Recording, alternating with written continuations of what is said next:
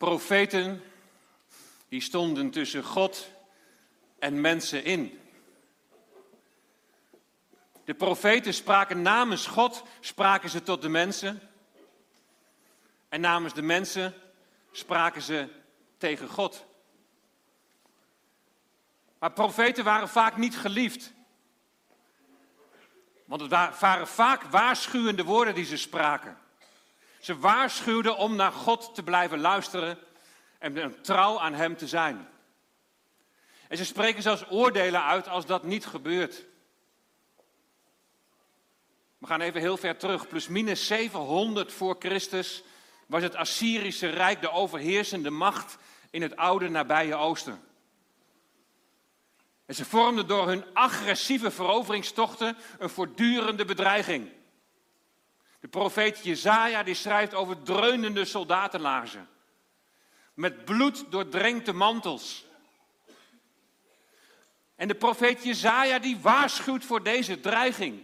En dit allemaal omdat het volk in duisternis wandelt. Omdat het volk niet naar God luistert. En het noordelijke deel van Israël wordt op een gegeven moment in ballingschap weggevoerd. Ze hebben God aan de kant gezet. En ze aanbidden afgoden. Maar zoals vaak belooft God een nieuw begin. Jesaja 9, vers 1. Het volk dat in duisternis wandelt, zal een groot licht zien. Zij die wonen in het land van de schaduw van de dood, over hen zal een licht schijnen. Weet je, het kan nog zo donker zijn, licht verdrijft de duisternis. Licht staat voor de Heere God die zich openbaart, die zich laat zien. En die God van herstel, die hier een geweldige belofte doet. Het volk dat in duisternis wandelt, zal een groot licht zien. Profeten staan tussen God en mensen in. Profeten spreken namens God tot de mensen en namens de mensen spreken de profeten naar God.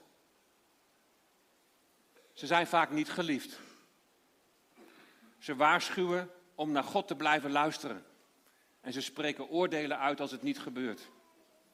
En later wordt ook het zuidelijk deel van Israël afgevoerd, helaas. Er is inmiddels een andere overheerser, het Babylonische Rijk, koning Nebukadnezar. Hij vernietigt Jeruzalem en hij vernietigt de tempel. De Joden worden dan in het diepst van hun ziel worden ze geraakt en velen worden afgevoerd naar Babel. Maar, er is altijd een maar. Maar ondanks dat het hun eigen schuld is, ontvangen ze van de profeet Jeremia in Babel een hele bijzondere brief. En in die brief staat onder andere hoe lang die ballingschap nog zal duren, nog 70 jaar. Maar hij maakt duidelijk dat er een einde aan zal komen. En vervolgens laat die profeet dan het hart van God spreken.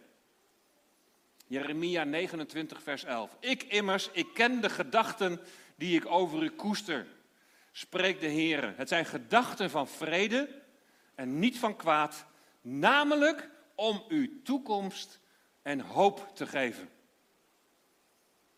Zie je, God is een God van, van herstel. Hij is een God van hoop.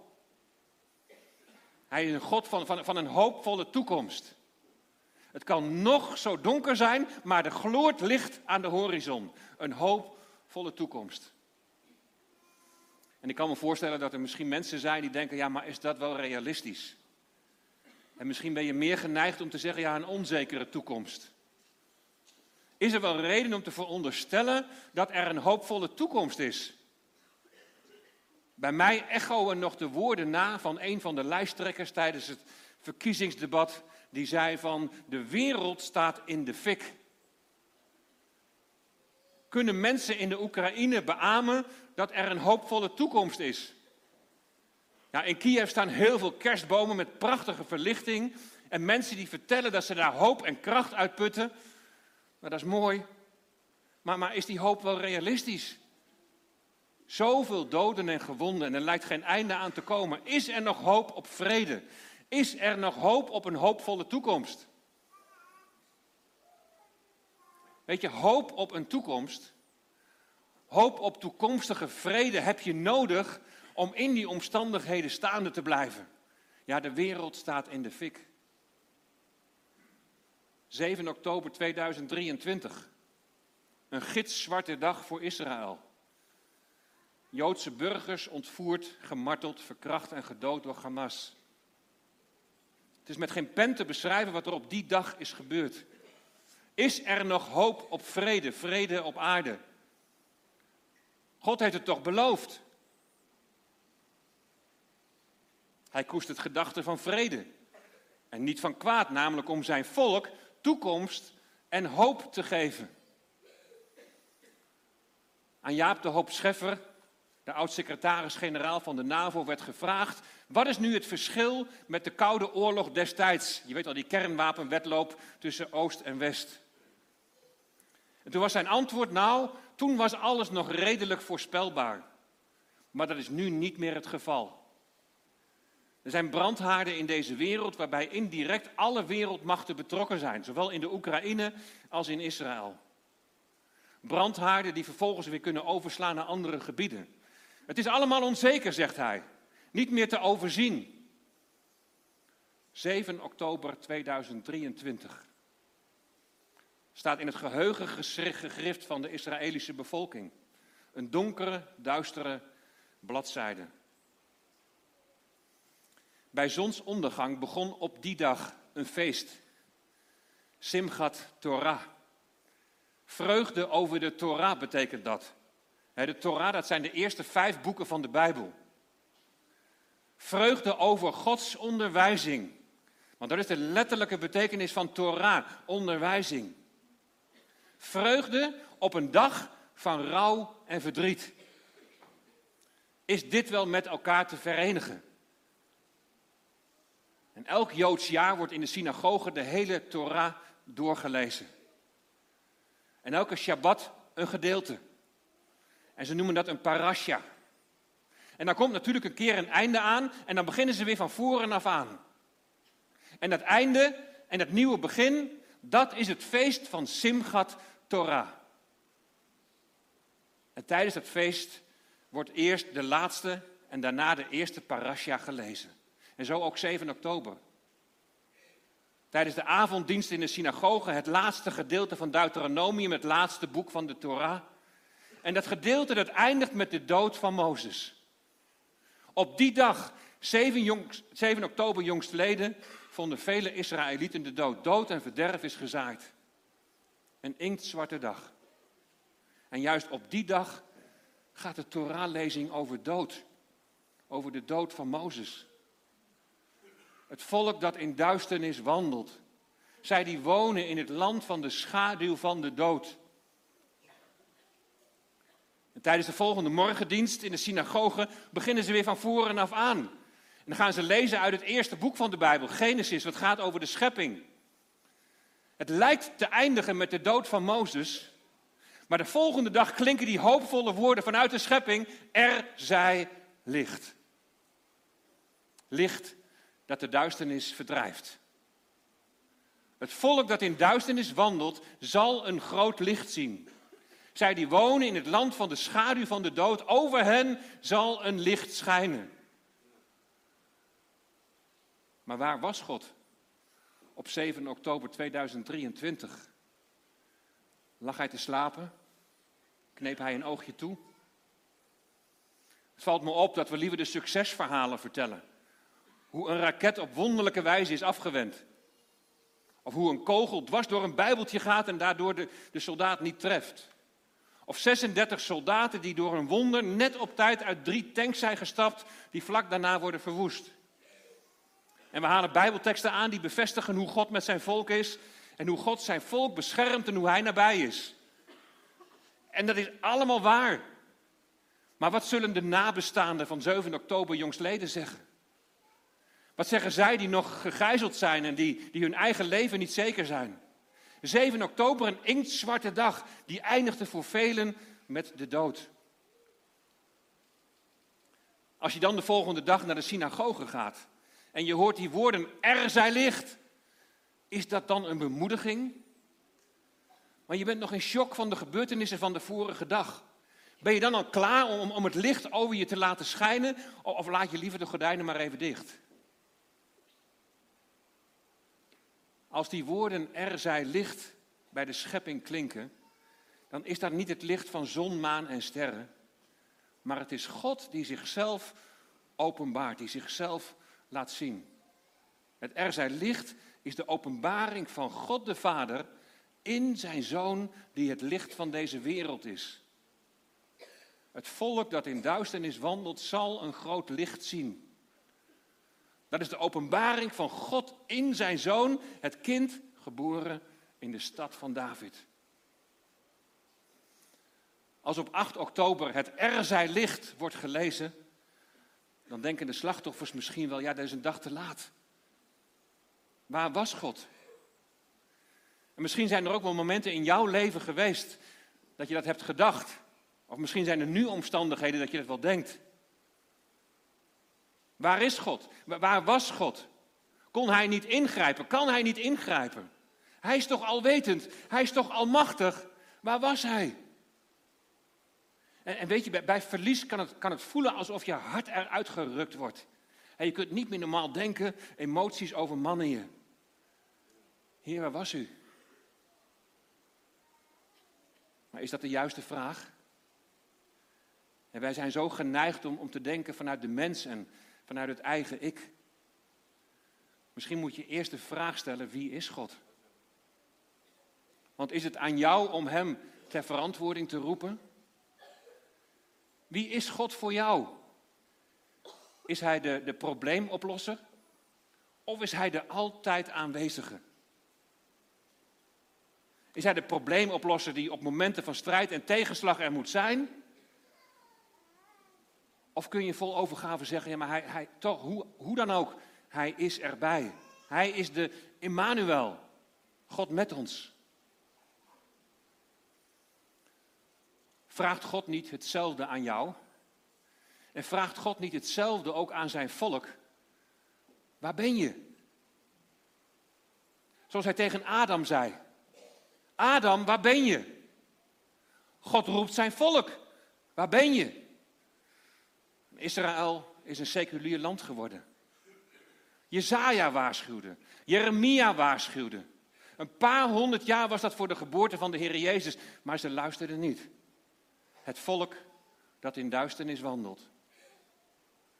In het hoofdstuk ervoor in Jezaja 8, daar kun je lezen dat ze ervaren dat God zich verborgen heeft. Maar de werkelijkheid is dat zij zichzelf van God hebben afgekeerd.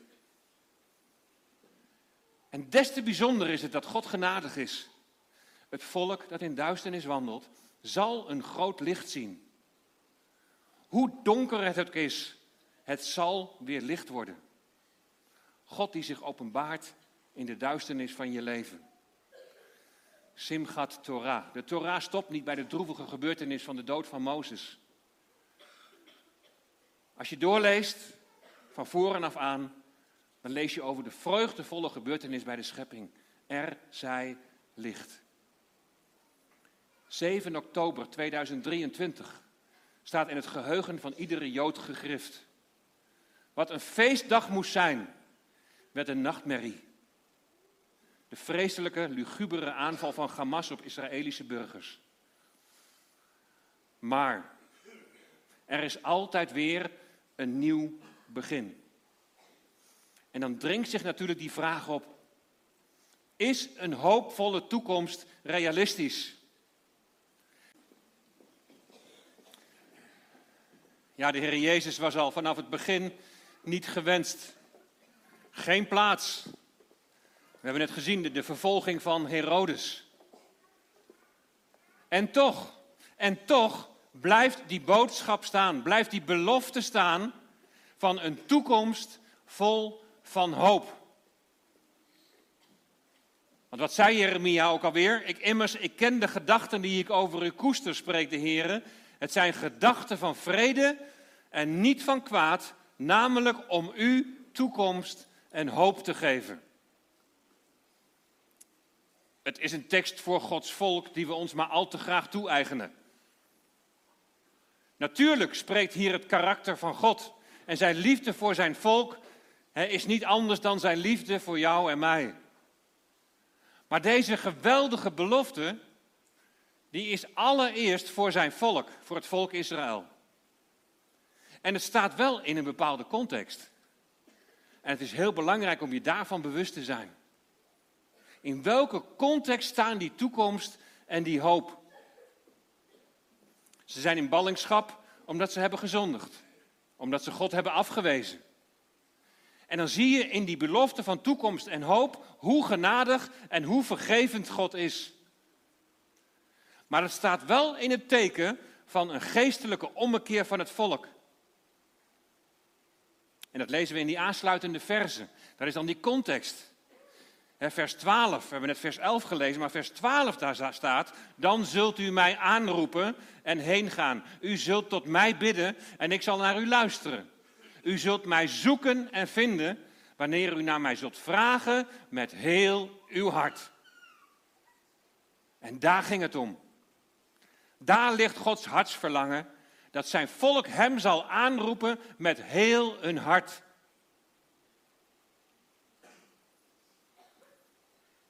Mensen roepen wel, waar is God?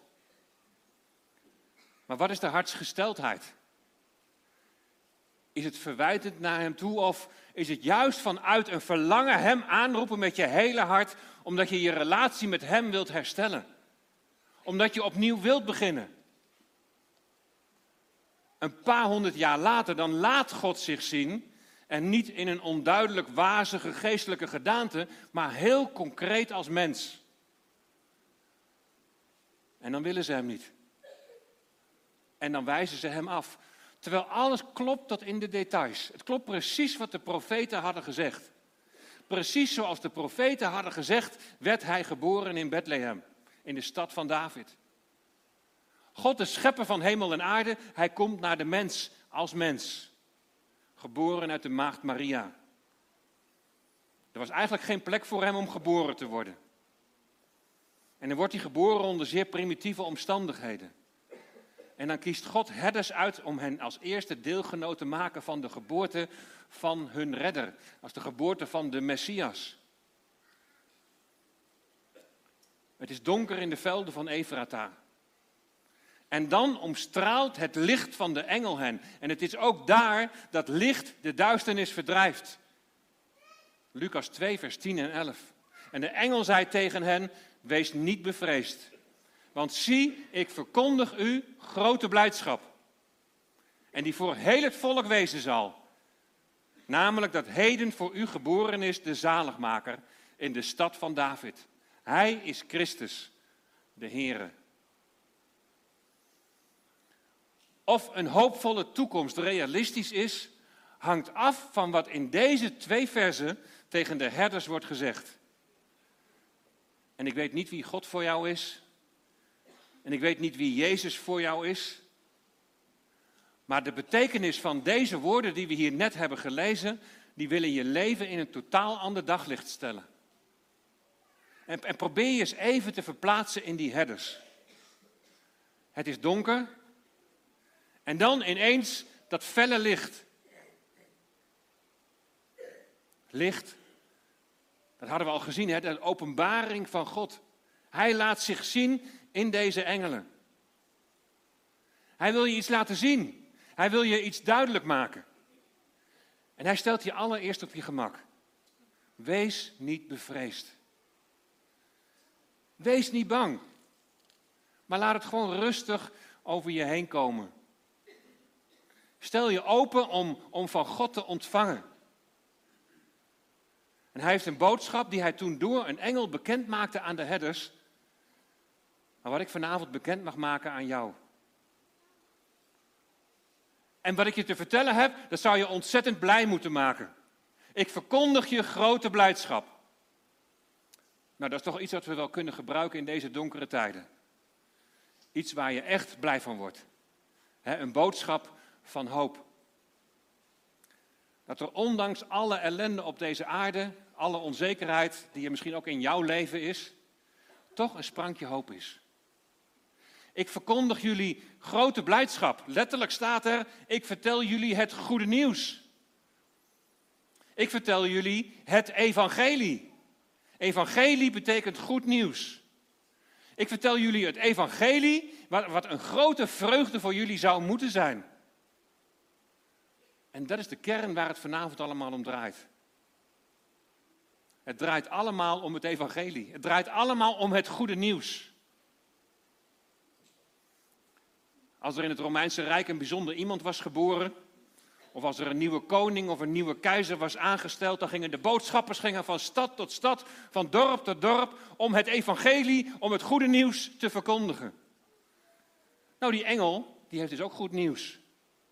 Die verkondigt het evangelie, een bijzondere geboorte. Heden is voor u geboren de zaligmaker in de stad van David. En dan kan ik me best voorstellen dat dit heel ver van je afstaat. Alleen al zo'n woord, hè, zaligmaker. En dan, ja, wat moet je met de stad van David? Het is allemaal ruim 2000 jaar geleden gebeurd. Waarom zou mij dat nu, anno 2023, nog blij kunnen maken? Wat, wat, wat kun je hiermee? Maar laat me proberen om het voor jou heel dichtbij te brengen. Het is duidelijk, het gaat over de geboorte van Jezus. En dan staat er dat hij de zaligmaker is. En dat is een woord dat wij tegenwoordig ja, niet, eigenlijk niet gebruiken. Maar zaligmaker betekent dat Jezus de redder is. Dat hij de behouder is. Hij wil zijn volk bevrijden van hun vijanden. Maar nog veel belangrijker, hij wil zijn volk bevrijden van hun zonde. Hun zonde die een diepe kloof tussen hen en God veroorzaken. Een onoverbrugbare kloof zelfs. Misschien, heel misschien heb je nog een sprankje hoop dat de oorlog in Israël of de oorlog in Oekraïne weer voorbij gaat. Misschien heb je nog een sprankje hoop dat je relatie met je echtgenoot of met je familie of met je kinderen, dat die nog zal herstellen. Misschien heb je nog, nog een sprankje hoop dat je zult genezen. Maar wat is je hoop als je over de grens van dit tijdelijke leven heen gaat? Waar zul je dan zijn? Is je hoop alleen gevestigd op het hier en nu? Op alles wat tijdelijk en kwetsbaar is? Of gaat het iets verder? Waar zul je zijn als het tijdelijke leven hier op aarde tot een einde komt? Zul je dan in Gods aanwezigheid zijn? Kun je dan in Gods aanwezigheid zijn? Dan heb je wel een zaligmaker nodig. Dan heb je een redder nodig. Dan heb je een behouder nodig. Want als onvolmaakt mens kun je niet in Gods volmaaktheid zijn. Jezus is naar deze wereld gekomen. En hij wil je behouden voor, zijn, voor de schepper. Dan moet er wel een oplossing komen voor dat zondeprobleem, voor die onoverbrugbare kloof. Het probleem dat je gescheiden van God leeft en daarom niet leeft zoals Hij dat wil. Om dit op te lossen is God mens geworden. En is Hij in zijn Zoon, is Hij naar deze wereld gekomen. Jezus, het kind, geboren in Bethlehem, Zoon van God. Hij is het goede nieuws. Want Hij is de redder. En Hij is de zaligmaker. Hij is diezelfde die later sterft aan het kruis. We hebben er al van gezongen. En hij gaf zijn leven in jou en in mijn plaats. Door in Hem te geloven en door op Jezus te vertrouwen, zijn jouw zonden vergeven. Ben je gereinigd. En is die kloof overbrugd, kun je in Gods tegenwoordigheid zijn. Als dit tijdelijke kwetsbare leven plaats maakt voor die eeuwige heerlijkheid bij God de Vader. Weet je, een hoopvolle toekomst gaat veel verder dan, dan zoveel mogelijk voorspoed tijdens je leven hier op aarde. Zet je tijdelijke leven hier op aarde eens even in het licht van de eeuwigheid. Jezus heeft nooit beweerd dat het leven hier op aarde makkelijk zal zijn. En het zal zeker niet makkelijk zijn als je in Hem gelooft en als je Hem wil volgen. Dus dat, wat dat betreft lijkt het helemaal niet aantrekkelijk. Je zult met verdrukkingen en vervolgingen, met spot te maken krijgen.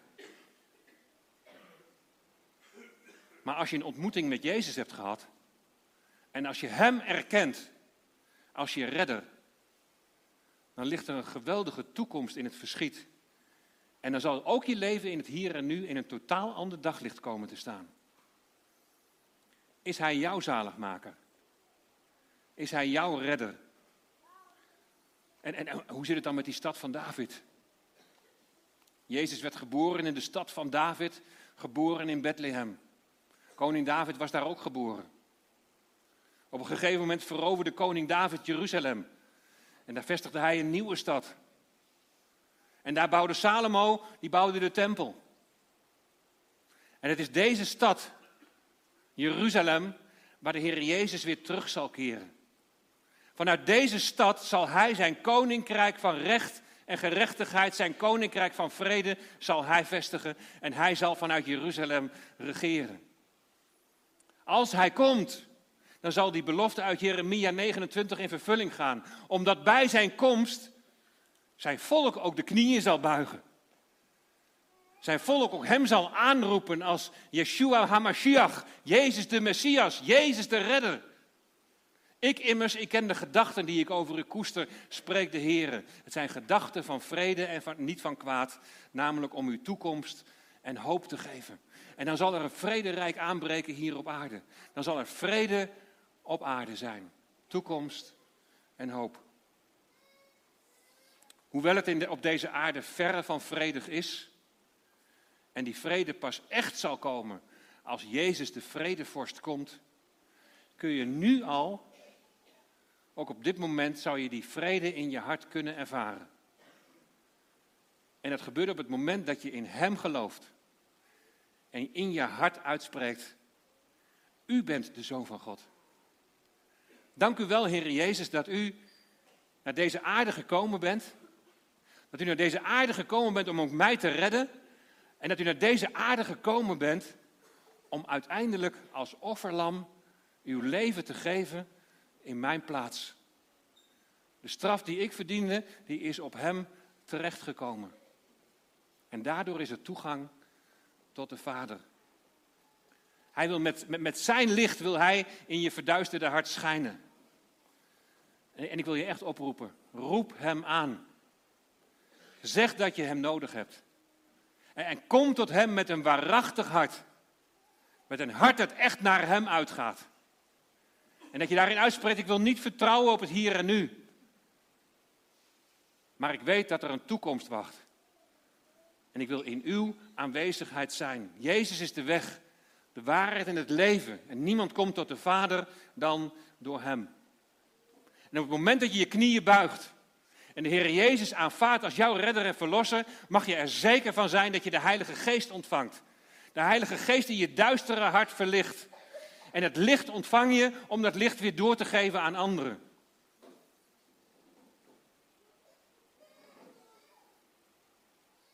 Het is zo mijn gebed dat wij in ons leven al iets mogen laten zien van de vredevorst die komt. Hij die alleen vrede kan geven. Israël die vertrouwt op haar leger, die vertrouwt op haar technologie, maar het zal geen vrede brengen. Als ze straks in opperste benauwdheid zullen ze hem aanroepen. En zal de Heer Jezus komen met zijn hemelse legers. Dan zullen de vijanden worden verslagen en zal vrede aanbreken met de vredevorst op de troon. En de slotvraag voor jou vanavond is: wie zit op de troon van jouw leven? Wie heeft het voor het zeggen in jouw leven? Heb je plaats gegeven aan de vredevorst? Heb je plaats gegeven aan de Heer Jezus? Heb je je al tot Hem bekeerd? Heb je je al naar Hem omgekeerd?